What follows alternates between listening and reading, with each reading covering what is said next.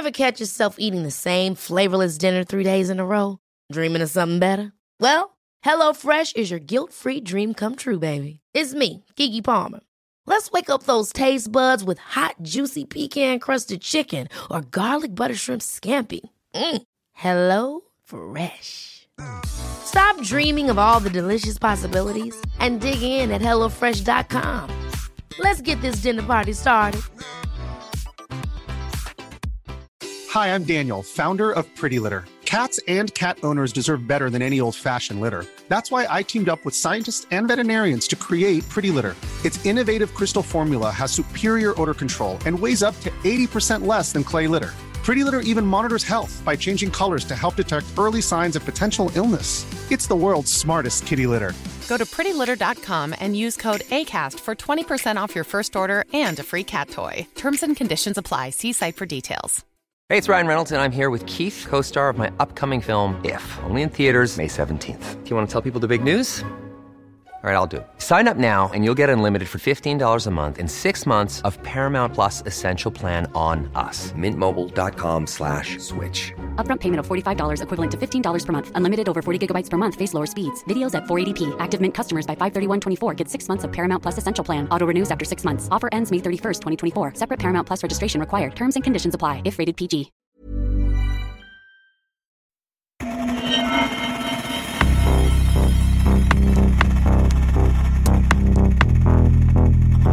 Expect more attacks on the government. They caused a lot of damage. On any computer crime, you want to look for the digital footprint. Dataintrång där interna handlingar läckte The shadowy group behind the hacking attack on the Federal Reserve. breaking into files. Beskriver dataintrången så mycket avancerade. This is just the beginning. We will respond, we will respond, respond, respond. Nätets mörka sida. Sanna historier om brottslighet på internet. Jag heter Marcus Porsklev och det här är avsnitt två av Nätets mörka sida. Sanna historier om brottslighet på internet. Innehållet i den här podden är gjort i samarbete med Darknet Diaries som görs av Jack Resider. Du lyssnar nu på del två av Operation Bayonet.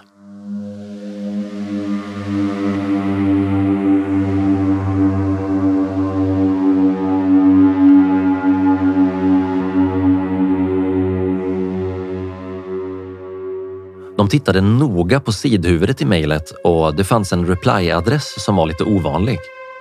E-mailen som man kunde svara till det var pimpalex91 hotmail.com.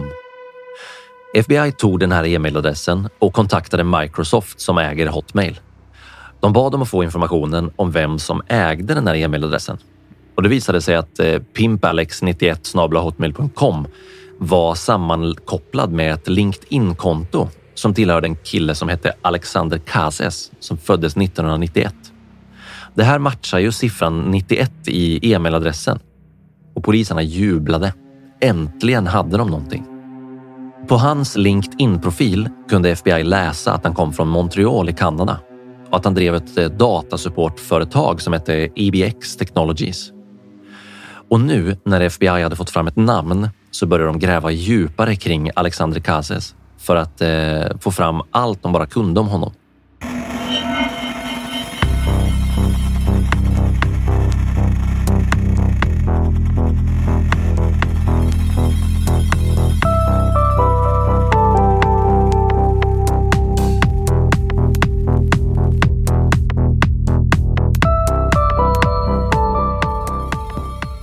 Alphabay var ju inte den enda svarta marknaden på Darknet vid den här tidpunkten.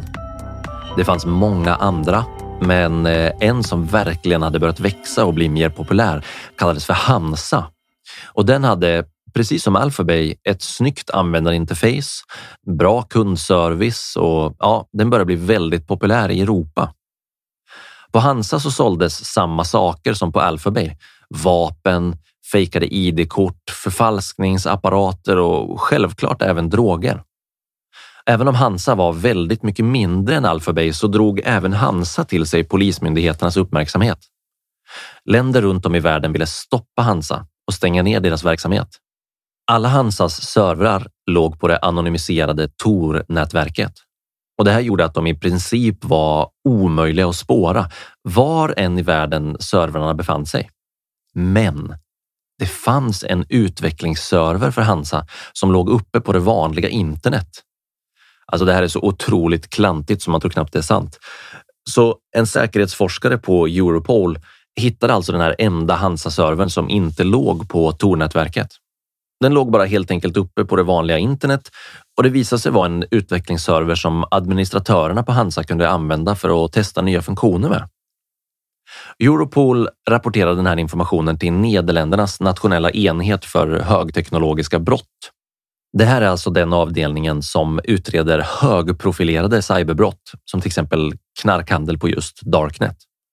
De eh, nederländska utredarna tog tipset och de spårade IP-adressen och den låg i ett datacenter som faktiskt fanns i just Nederländerna. Det passar ju bra. De kontaktade datacentret som tillhandahöll servern och de nederländska myndigheterna lyckades sätta en sorts övervakning på servern som möjliggjorde att de kunde se alla paket som kom in och ut ur den här servern. På det sättet så kunde de se att den här servern pratade väldigt mycket med den riktiga Hansa-servern som låg på Tor-nätverket och var helt anonym. Den här utvecklingsservern låg tydligen i samma datacenter som den riktiga produktionsservern och med hjälp av utvecklingsservern så kunde de nederländska utredarna ta hårddiskopier på flera av de riktiga Hansa-servrarna. Det här kunde de göra utan att det märktes på sajten och eftersom de arbetade direkt mot datacentret så märktes det ingenting för de som drev Hansa heller.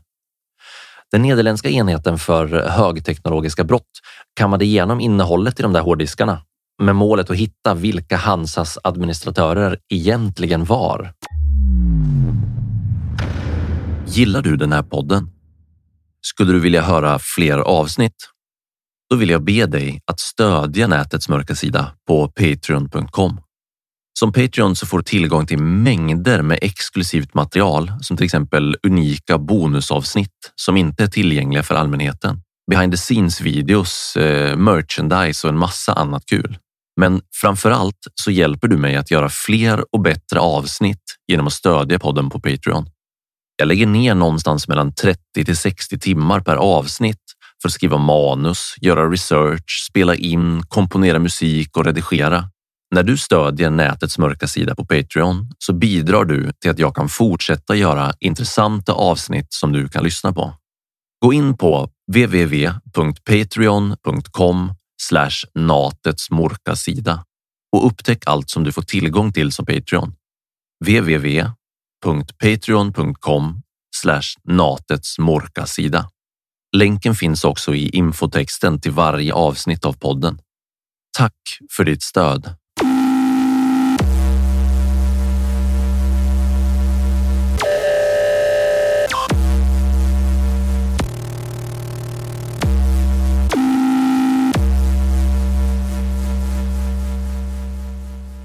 De såg att administratörerna var anslutna till sajten, men anslutningarna var ju anonymiserade med hjälp av Tor, så de lyckades inte avgöra var de här människorna kom ifrån och alla inloggningar för administratörerna gjordes med alias, inte med deras riktiga namn. Det är ju egentligen självklart att sajtens ägare inte skulle använda sina riktiga namn för att logga in. Men vid ett tillfälle så hittade myndigheterna chattloggar på servern och när de tittade närmare på de här chattloggarna så upptäckte de att de sträckte sig åratal tillbaks i tiden. Inuti loggarna fanns det konversationer mellan Hansas administratörer, men det gick inte att läsa vad de hade skrivit. Ja, inte för att chattarna var krypterade utan helt enkelt för att de var skrivna på tyska. De nederländska myndigheterna var tvungna att anlita en tysk översättare som fick komma och hjälpa dem att dechiffrera chattarna och läsa igenom loggarna. Mycket av konversationerna handlade om själva Hansa-sajten och om hur de skulle göra underhåll i sidan och lägga till nya funktioner. Men när de läste mer och grävde djupare in i chattloggarna så hittade de faktiskt, otroligt nog, båda namnen på Hansas administratörer.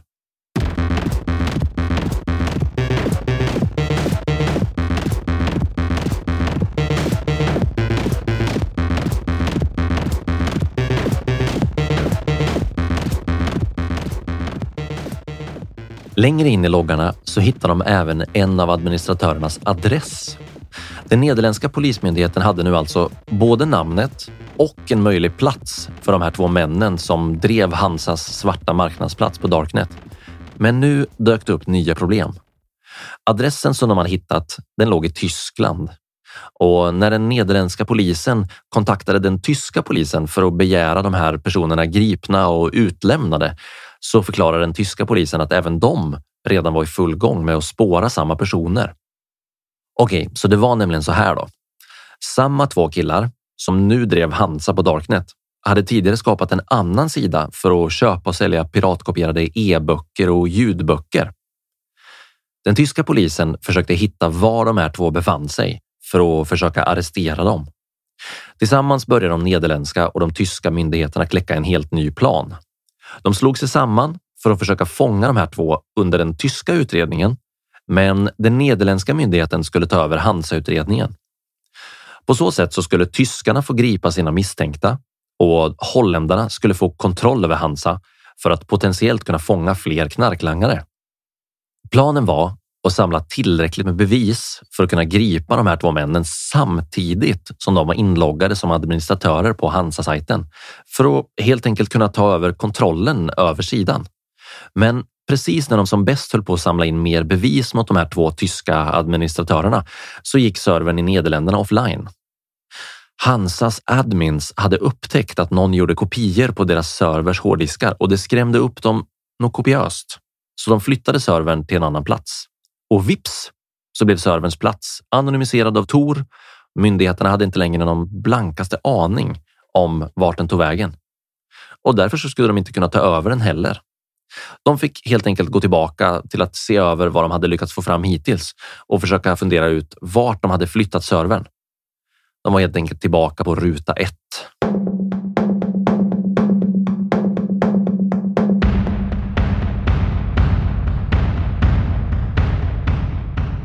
Månad efter månad efter månad gick utan några ledtrådar om vart servrarna hade tagit vägen. Droghandeln på Hansa den fortsatte helt utan avbrott och växte till att bli handelsplats nummer ett för alla som ville köpa och sälja droger online i Europa. Och myndigheterna, nej, de kunde inte göra ett enda dugg åt det här.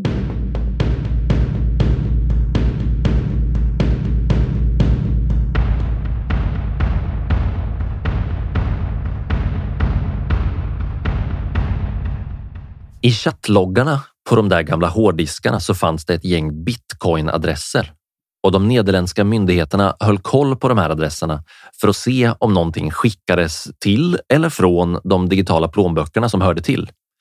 Även om bitcoin egentligen är anonymt så måste du förr eller senare växla dina bitcoin till riktiga pengar.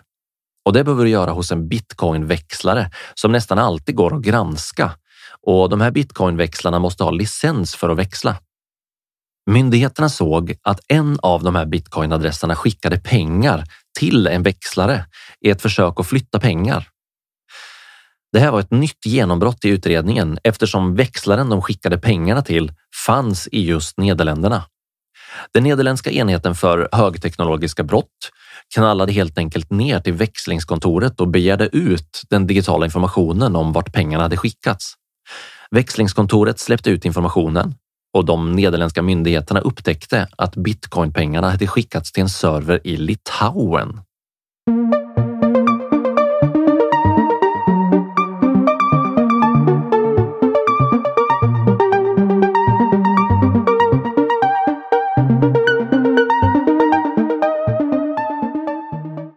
Med hjälp av de litauiska myndigheterna så lyckades de sedan spåra den exakta positionen där de nya Hansa-servrarna fanns. De nederländska, tyska och litauiska myndigheterna hade nu allt de behövde för att arrestera administratörerna och ta över Hansa. Men nu börjar det hända grejer även hos FBI.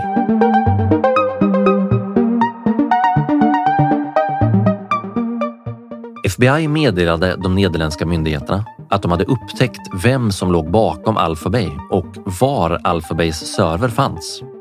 FBI informerade holländarna om att de skulle genomföra en räd mot datacentret och arrestera ägaren. Men de nederländska myndigheterna de sa wow, wow, wow, wow, wow, stopp ett tag. Vänta lite här nu. Myndigheterna från Tyskland, Nederländerna och USA börjar nu samarbeta med en gemensam plan. Eftersom de nederländska och tyska myndigheterna var redo att ta över Hansa så ville de ju såklart ta över Hansa innan Alphabay stängdes ner. Tanken var ju att så fort som Alphabay stängdes ner så skulle användarna från Alphabay flockas kring Hansa istället för att fortsätta köpa och sälja olagliga saker. Om de nederländska myndigheterna redan kontrollerade Hansa då, då skulle de kunna samla in en massa information om sajtens användare och potentiellt även kunna gripa ett helt gäng med langare. FBI gick med på den här planen och de bestämde sig för att kalla det hela för Operation Bajonett. Bajonett var en ordlek med flera delar. Bay kommer från Alpha Bay. Net kommer från Darknet eller internet och det skulle också kunna implicera att man spetsade den svarta marknaden med en bajonett. Tanken från myndigheterna var att man genom stängningen av Alphabay och genom kontroll över Hansa skulle kunna förstöra tilliten till handel på Darknet under lång tid framöver. Kanske till och med vinklippa hela onlinehandeln med olagliga varor. Det var inga små mål man satte upp direkt. Operation Bajonett var nu igång.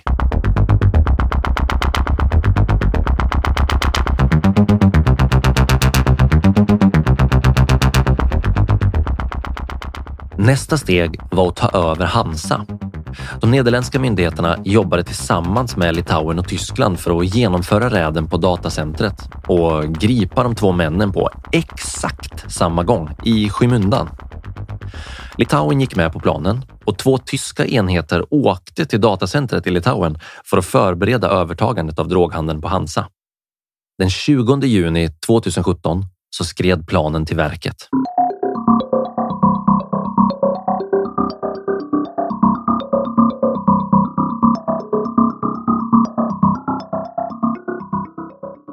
Den nederländska polisen gjorde en räd i datacentret i Litauen och den tyska polisen var väldigt noggranna och metodiska för att inte dra till sig uppmärksamhet när de gick in hemma hos de båda administratörerna för den svarta marknaden på Hansa.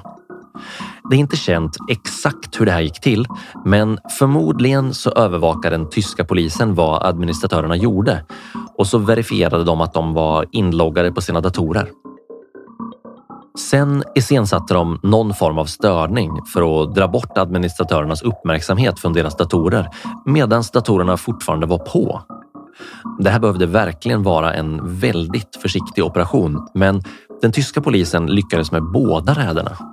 De arresterade båda administratörerna samtidigt som deras laptops var öppna, inloggade och olåsta. Den tyska polisen gav signalen till de nederländska myndigheterna som sedan snabbt som 17 migrerade över hela Hansa-servern till Nederländerna där de själva kunde ta kontroll över handeln på Hansa. Den tyska polisen de skrev helt enkelt i sin rapport att de två männen hade gripits när de piratkopierade e-böcker och ljudböcker, vilket innebar att alla Hansas användare inte hade den blekaste aning om vad som hade hänt. De visste ingenting om att servern hade blivit flyttad och att polisen hade tagit kontroll över droghandeln på Hansas sajt. När de två männen blev gripna gav de polisen alla sina lösenord och användarnamn för att komma åt alla delar av Hansa-sidan. Sidan visade sig ha fyra moderatorer och inte ens de märkte att sajten hade blivit övertagen av polisen. Det här var en stor seger för de nederländska och tyska myndigheterna nu när Europas mest populära svarta marknad stod under de nederländska myndigheternas kontroll så började de förvandla Hansa till en station för massövervakning av handeln på sidan.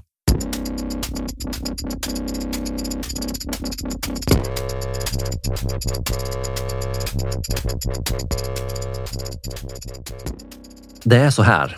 De olagliga handelssidorna på Darknet kryllar av folk som säljer enorma mängder metamfetamin, kokain, heroin, vapen och en massa andra olagliga saker. Och myndigheterna ville samla in så mycket bevis som bara var möjligt om knarkförsäljarna så att de skulle kunna hindra dem från att fortsätta handla. Det första de gjorde var att skriva om koden på sidan så att den loggade alla användarnas lösenord i ren text.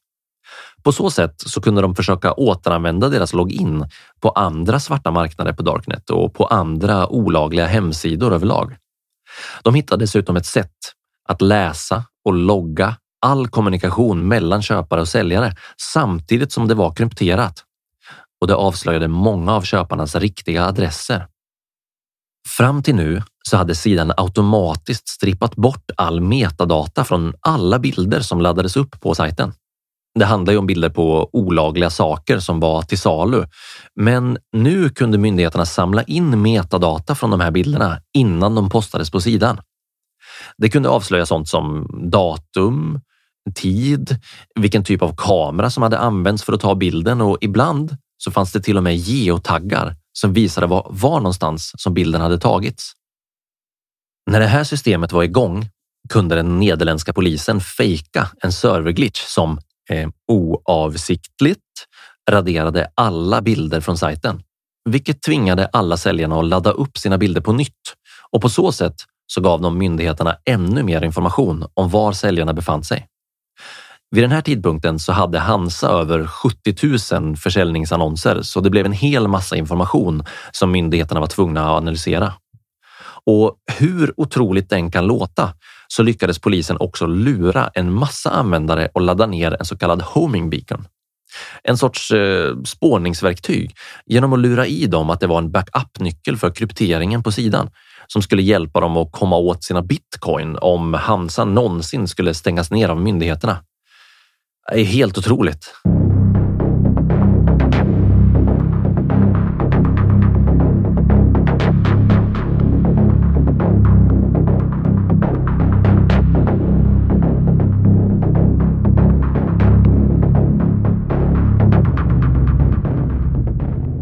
När användarna laddade ner den här filen och öppnade den så kördes ett skript som försökte kontakta en URL och avslöja den här personens riktiga IP-adress. Det här gav polisen tillgång till ännu fler platser där knarkförsäljarna befann sig. Och hela tiden fortsatte den nederländska polisen att låtsas vara administratörerna som skötte sidan. De eh, fortsatte prata med de andra moderatorerna. De fortsatte ta hand om klagomål från användarna. Ja, alltså de gjorde helt enkelt ett riktigt bra jobb med kundservice för eh, Hansa. Låt det här sjunka in lite grann för en sekund. Polisen gjorde alltså ett riktigt bra jobb med att sköta om Europas största olagliga handelsplats på Darknet för droger, vapen och andra olagliga saker. Alltså polisen, inte de kriminella. Tänk på det.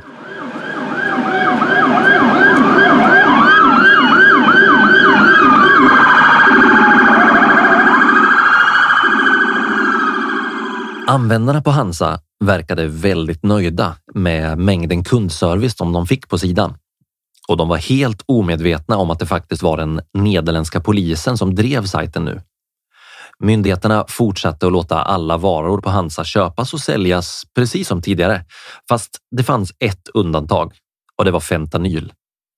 De förbjöd försäljning av fentanyl på Hansa. Fentanyl det är en drog som till viss del liknar heroin, men det är mycket farligare. Det är mer potent och det är svårare att dosera och en extremt liten mängd fentanyl kan leda till döden. Och därför är det väldigt många missbrukare som överdoserar på just fentanyl.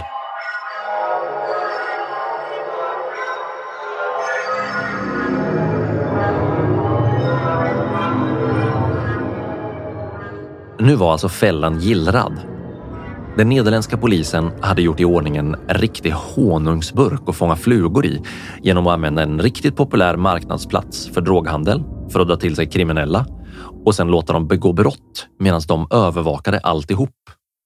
Det är genialiskt. Nu när de samlade in mängder med information så var de redo för att FBI skulle starta upp nästa steg i Operation Bajonett.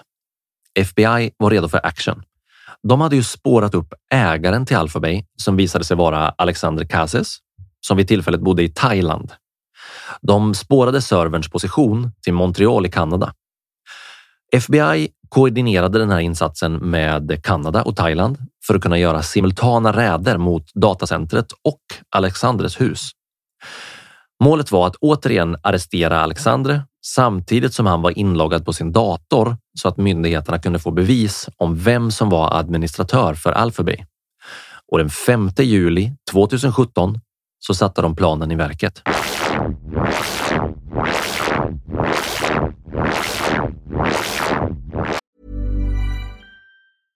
Hey, I'm Ryan Reynolds. At Mint Mobile, we like to do the opposite of what Big Wireless does. They charge you a lot, we charge you a little. So naturally, when they announced they'd be raising their prices due to inflation, we decided to deflate our prices due to not hating you. That's right. We're cutting the price of Mint Unlimited from $30 a month to just $15 a month. Give it a try at mintmobile.com slash switch. $45 upfront for three months plus taxes and fees. Promo rate for new customers for limited time. Unlimited more than 40 gigabytes per month. Slows. Full terms at mintmobile.com. Ever catch yourself eating the same flavorless dinner three days in a row? Dreaming of something better? Well, HelloFresh is your guilt-free dream come true, baby. It's me, Kiki Palmer. Let's wake up those taste buds with hot, juicy pecan-crusted chicken or garlic butter shrimp scampi. Mm. Hello Fresh. Stop dreaming of all the delicious possibilities and dig in at HelloFresh.com. Let's get this dinner party started.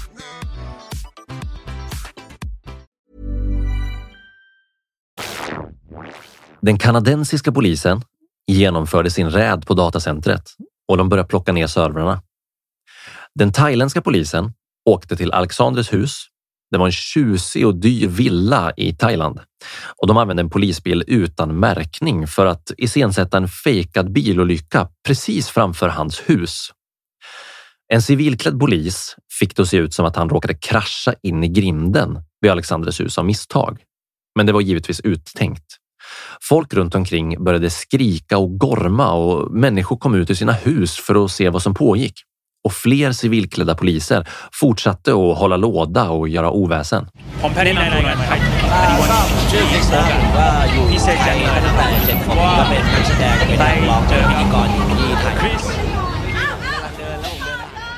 Men det fanns ett problem. Alexander kom inte ut. De visste att han var hemma. Han kom bara inte ut ur huset så de fortsatte skrika och försökte vända runt bilen igen och förde ännu mer oväsen på uppfarten till hans hus.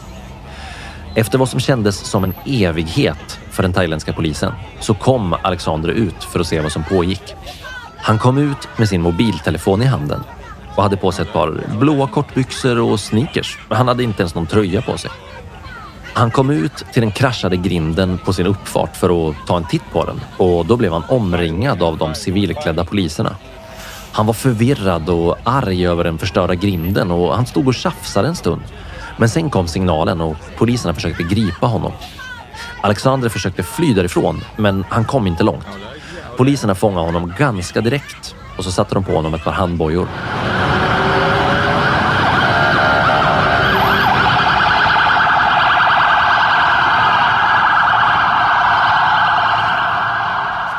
Den thailändska polisen stormade in i huset och de hittade hans dator som var på. När de tittade på skärmen så insåg de att han var inloggad som admin på Alphabase server. Jackpot! Han hade försökt luska ut varför servrarna i Montreal hade gått ner. Och när den thailändska polisen och FBI undersökte hans dator lite närmare så hittade de en textfil med alla lösenord till hela Alphabase-sajten. Det här var tillräckligt med bevis för att döma honom som ägaren till världens största svarta marknad på Darknet. Räden mot datacentret i Montreal var också en succé och FBI lyckades omhänderta hans servrar och ta ner dem från nätet omedelbart. Men gripandet av Alexander Kalses förblev okänt ute i världen. FBI de tillkännagav inte att de hade tagit ner Alphabay och servrarna som tillhörde sajten. Det här skapade stor oro hos användarna på Alphabay. De blev arga och trodde att det här kanske var en exit-strategi, precis som när administratörerna på Evolution helt enkelt hade packat ihop, stängt ner sajten och bara snott allas bitcoin när de drog. Alexander Kazes togs till ett thailändskt fängelse där han fick vänta på att bli utlämnad till USA. Myndigheterna upptäckte att han hade gift sig med en thailändsk kvinna i 20-årsåldern och att han hade bott i Thailand de senaste åtta åren. Alphabay hade visserligen bara funnits i två år, Men eh, innan han startade Alphabay så hade han jobbat som en mjukvaruutvecklare. Alexandre verkade helt enkelt vara en ganska vanlig datanörd egentligen. En 26 år gammal vit man som växte upp i Montreal i Kanada. Han såg typ ut som en ung Elon Musk. Hans hår var alltid lite oordnat och han var inte direkt uppklädd. När han gifte sig så hade det varit ett traditionellt thailändskt bröllop och alla bröllopsgästerna var från Thailand. När man tittar på bilder på honom och hans fru så ser de väldigt lyckliga ut. När polisen förhörde hans fru så sa hon att hon jobbade som forskare på en akademisk institution, så varken Alexandre eller hans fru verkar vara några traditionella drogkingpins direkt. Och man kunde knappast ana att de faktiskt var världens största drogkingpins. Att de här två anonyma personerna faktiskt hade drivit världens största marknadsplats för droger på internet. USA samarbetade med den thailändska polisen och lyckades få till husransakningar där de kunde beslagta allt som paret ägde. Även hans fru blev en stor del av åtalet.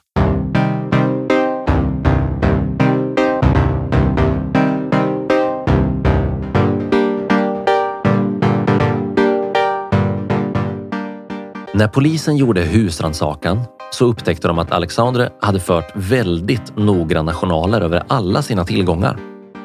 Det här gjorde det väldigt enkelt för FBI att samla in allting. Här är ett axplock av allt som FBI beslagtog från Alexander och hans fru.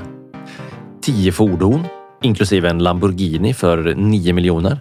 En lyxutrustad Mini Cooper som hans fru körde. En BMW motorcykel och en Porsche Panamera. Ett antal fastigheter, inklusive hans lyxvilla i Thailand. Det visade sig också att han ägde huset bredvid lyxvillan för han hade köpt det åt sin frus föräldrar. Han höll också på att bygga en ny lyxvilla i Phuket i Thailand och dessutom hade han flera semesterbostäder i Antigua och på Cypern.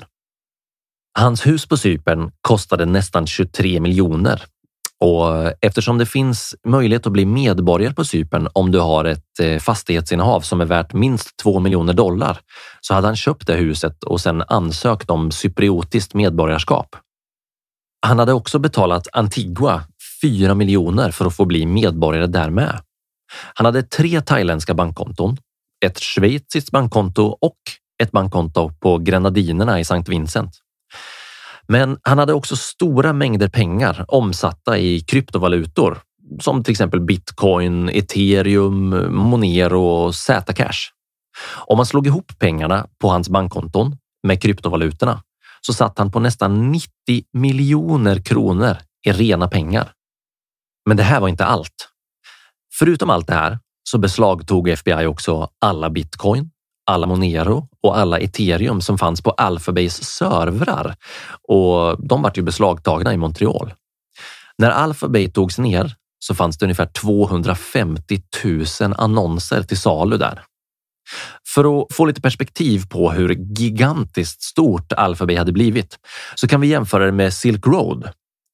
Silk Road hade ungefär 13 000 annonser när det stängdes ner och då var det världens största marknadsplats på Darknet. Det här betyder alltså att Alphabay var nästan 20 gånger större än Silk Road, i alla fall när det gäller antalet aktiva annonser. Och Alexandre, han tog ut 2 till 4 procent i kommission som betalt för varje transaktion och loggarna visade att ungefär 840 000 bitcoin hade skickats genom Alphabay. Bara det är ungefär 450 miljoner dollar i bara transaktioner.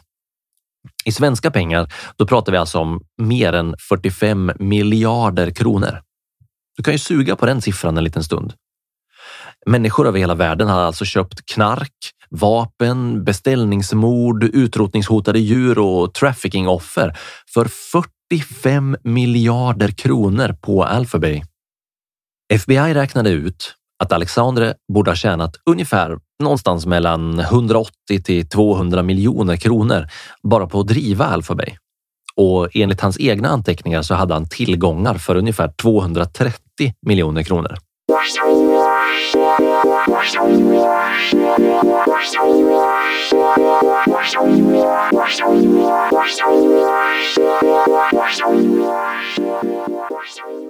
Okej, om vi ska vara ärliga så är det väl ungefär så här mycket pengar som man förväntar sig att en riktig kingpin från den svarta marknaden ska ha. Han visste mycket väl att det var riskabelt att göra det som han gjorde. Han visste att hans liv var i fara och han visste att han var tvungen att sopa igen alla sina spår väldigt noga för att inte åka dit. Men eh, min bild av knarkungar har alltid varit stora biffiga gangsters i kostym i typ Los Angeles. Inte små spinkliga datanördar i Thailand. Men det kanske är dags att omvärdera hur vi tänker oss bilden av en riktigt framgångsrik kriminell person.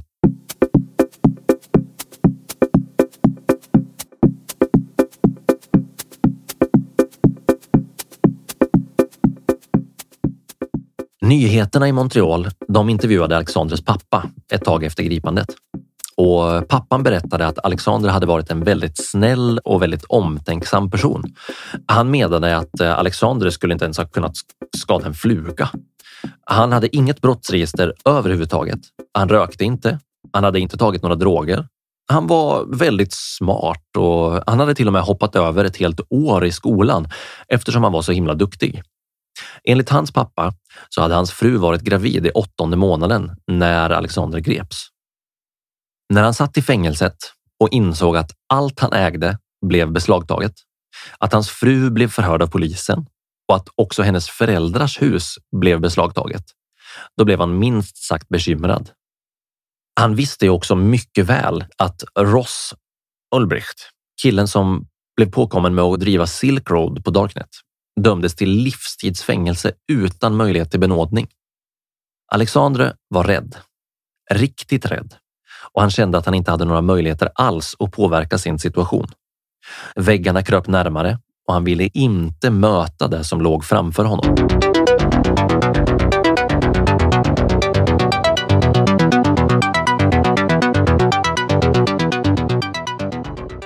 Den 12 juli efter att ha suttit i ett thailändskt fängelse i sju dagar så svepte Alexandre en handduk runt sin hals, snurrade den hårt, knöt en knut och begick självmord genom att hänga sig själv i fängelset.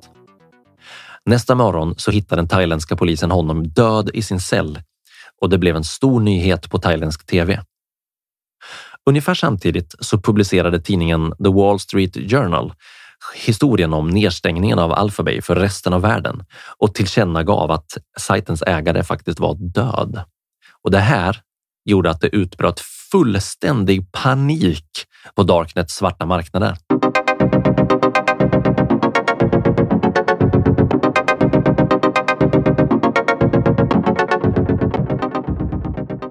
Folk freakade ur eftersom FBI hade tagit över Alphabay. Ett helt gäng med olika konspirationsteorier började dyka upp kring Alexanders död. Blev han eh, mördad av en ägare till någon annan svart marknad på Darknet? Eller blev han mördad av den riktiga ägaren till Alphabay? Var det FBI som mördade honom? Varför skulle han begå självmord? Ja, forumen på Darknet svämmade över med chattar om den här händelsen. När Alphabay stängdes ner så gick allting enligt planerna. Tonvis med nya användare registrerade sig på Hansa-marknaden som vi ju vet nu kontrollerades av den nederländska polisen. Mer än 5000 nya användare registrerar sig varje dag på sajten, vilket är enormt mycket mer än det hade varit tidigare när ungefär 600 användare gick med varje dag. Faktum är att antalet nya användare till slut blev så stort att registreringssystemet kraschade och den nederländska polisen blev tvungna att spendera ett par dagar med att få upp den online igen. Enligt eh, nederländsk lag var polisen tvungna att spåra och rapportera varenda försäljning på den här sidan och mer än tusen transaktioner utfördes varje dag på Hansa. Det höll på att bli för mycket pappersjobb för polisen helt enkelt. Det var dags för nästa steg i Operation Bajonett.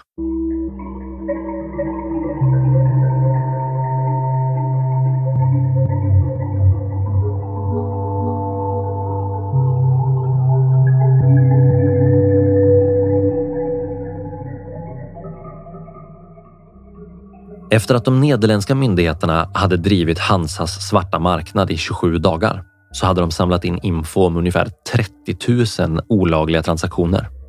Det var dags att dra ur pluggen ur väggen och de stängde ner sajten och alla servrarna. Direkt efter nedstängningen så satte den nederländska polisen upp en banner på sidan.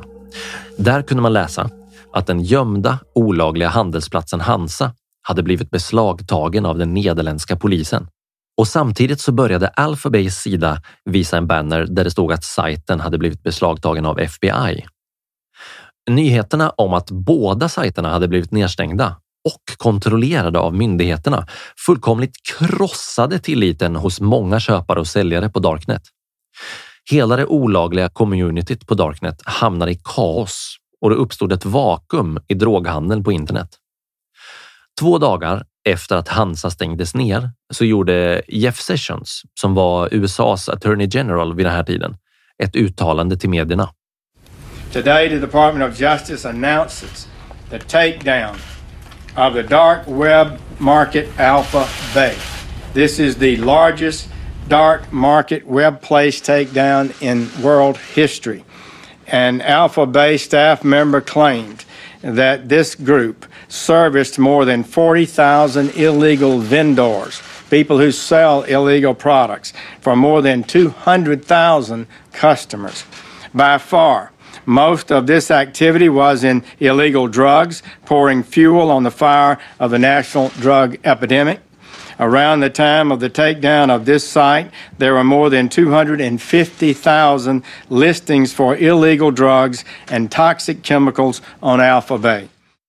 FBI å sin sida lyckades ju samla in mängder av bevismaterial och de jagade efter moderatorerna på Alpha och arresterade dem. Den eh, nederländska polisen fick sedan ta del av det som FBI hade samlat in. Det fanns information om mer än 420 000 användare och över 10 000 adresser till både köpare och säljare från sajten. FBI lämnade över den här informationen till Europol för att de skulle kunna använda den i Europa. Europol beslagtog mer än 120 miljoner kronor i bitcoin som fanns på Hansas server när den stängdes ner och de arresterade mer än ett dussin olika knarkhandlare som befann sig bara i Nederländerna.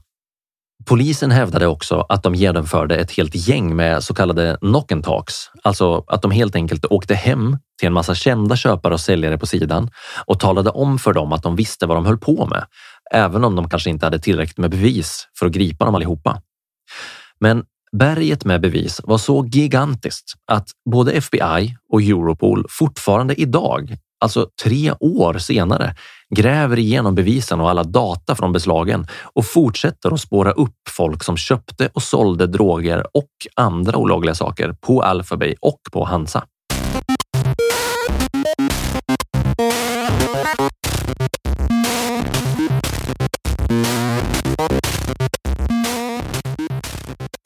När både Alphabay och Hansa togs ner och folk på Darknet upptäckte att det hade blivit övertaget av polisen, då skakade verkligen om alla som höll till på de svarta marknaderna där.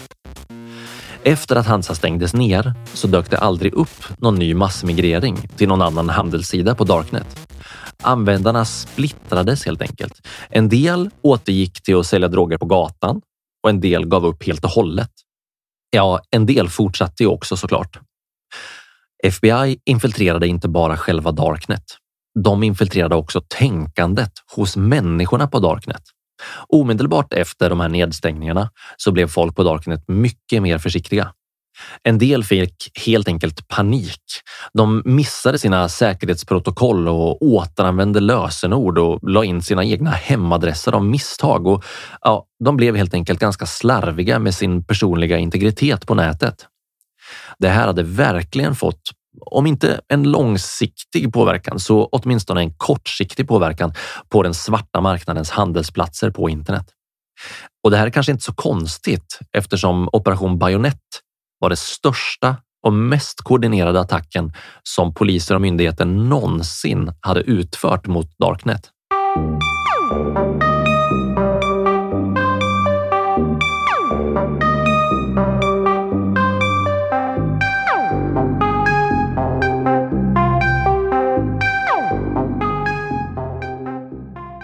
Men det är svårt att säga hur mycket det här påverkade knarkhandeln på Darknet om man ser ur ett längre perspektiv. Idag finns det flera nya svarta marknader som växer stadigt, som till exempel Dream Market och Wall Street Market. Men användarna på de här sidorna är förmodligen medvetna om historierna kring Alphabet och Hansa. Du kan med andra ord aldrig veta om FBI har koll på dig när du köper och säljer droger och andra olagliga grejer på Darknet. Du kan aldrig veta när sajtens ägare bestämmer sig för att stänga ner och dra därifrån med alla dina bitcoin. Men en sak kan man ta med sig när det gäller den här historien. Det enda sättet som myndigheterna kunde spåra någon på, det var när de klantade sig och inte skötte säkerheten ordentligt. Alexandre blev bara upptäckt när han av misstag satte in sin personliga e-mailadress i svarsmeddelandet till nya användare. Och eftersom den e-mailadressen var kopplad till hans LinkedIn-konto så åkte han dit. Klantigt. Killarna som drev Hansa lyckades polisen fånga eftersom de hade använt sina riktiga namn och sina riktiga adresser i chattloggarna på deras server. Klantigt. De stora knarkförsäljarna som de nederländska myndigheterna lyckades gripa blev bara påkomna eftersom de inte hade plockat bort metadatan från fotona som de laddade upp och eftersom de inte sopade igen sina spår ordentligt. FBI lyckades fånga alla de här människorna eftersom de hade slackat av bara pyttelite när det gällde deras egen säkerhet på internet. Ett enda litet misstag och sen var det kört. Klantigt. Okej, okay, så det här är viktigt att veta. De åkte inte dit på grund av att det finns något superhemligt sätt att spåra någons bitcoin plånbok eller att det går att spåra vem som använder Tor-nätverket. Jeff Sessions säger ju att Darknet inte är ett ställe man kan gömma sig på, men det är det ju helt uppenbarligen om man bara ser till att sköta sin säkerhet rätt. Med tanke på all tid, alla pengar och allt arbete som FBI och Europol la ner på att ta ner Alphabet och Hansa så skulle de ju lätt ha använt en mer läskig metod för att spåra de här brottslingarna om det hade funnits en sådan metod. Men det är bara det att det finns det inte. Det finns ingen sån metod. Istället blev de tvungna att vänta och titta i år efter år för att till slut upptäcka när någon klantade sig så mycket att de kunde slå till. Det är förmodligen sant att du aldrig kommer att kunna komma undan att FBI spårar dig om du driver världens största drogmarknad på Darknet. De kommer förmodligen att fånga dig förr eller senare. Frågan är bara hur mycket pengar behöver man få ihop innan det räcker? Ja, innan du kan lämna över till någon annan, ta dina pengar och bara dra. Alexandra hade ju över 200 miljoner kronor i tillgångar, men jag undrar hur mycket han hade behövt. Hur mycket mer hade han behövt för att bara dra ur proppen och släppa allt?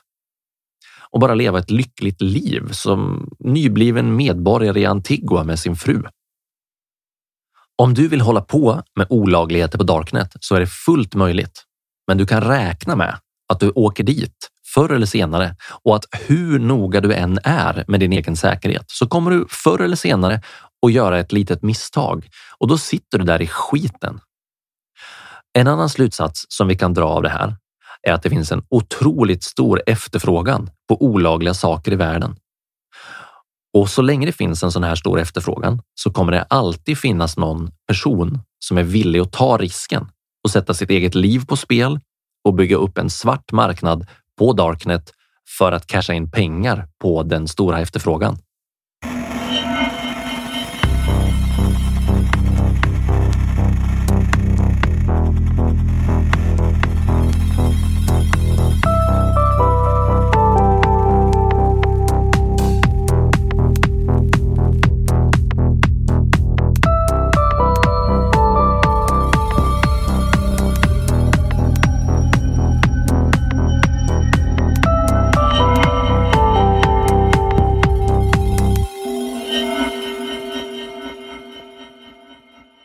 Har lyssnat på avsnitt två av Nätets mörka sida med mig, Marcus Borsklev. Hi, I'm Daniel, founder of Pretty Litter. Cats and cat owners deserve better than any old-fashioned litter. That's why I teamed up with scientists and veterinarians to create Pretty Litter. Its innovative crystal formula has superior odor control and weighs up to 80% less than clay litter. Pretty Litter even monitors health by changing colors to help detect early signs of potential illness. It's the world's smartest kitty litter. Go to prettylitter.com and use code ACAST for 20% off your first order and a free cat toy. Terms and conditions apply. See site for details. Ever catch yourself eating the same flavorless dinner three days in a row? Dreaming of something better? Well, HelloFresh is your guilt free dream come true, baby. It's me, Gigi Palmer. Let's wake up those taste buds with hot, juicy pecan crusted chicken or garlic butter shrimp scampi. Mm. Hello Fresh. Stop dreaming of all the delicious possibilities and dig in at HelloFresh.com. Let's get this dinner party started.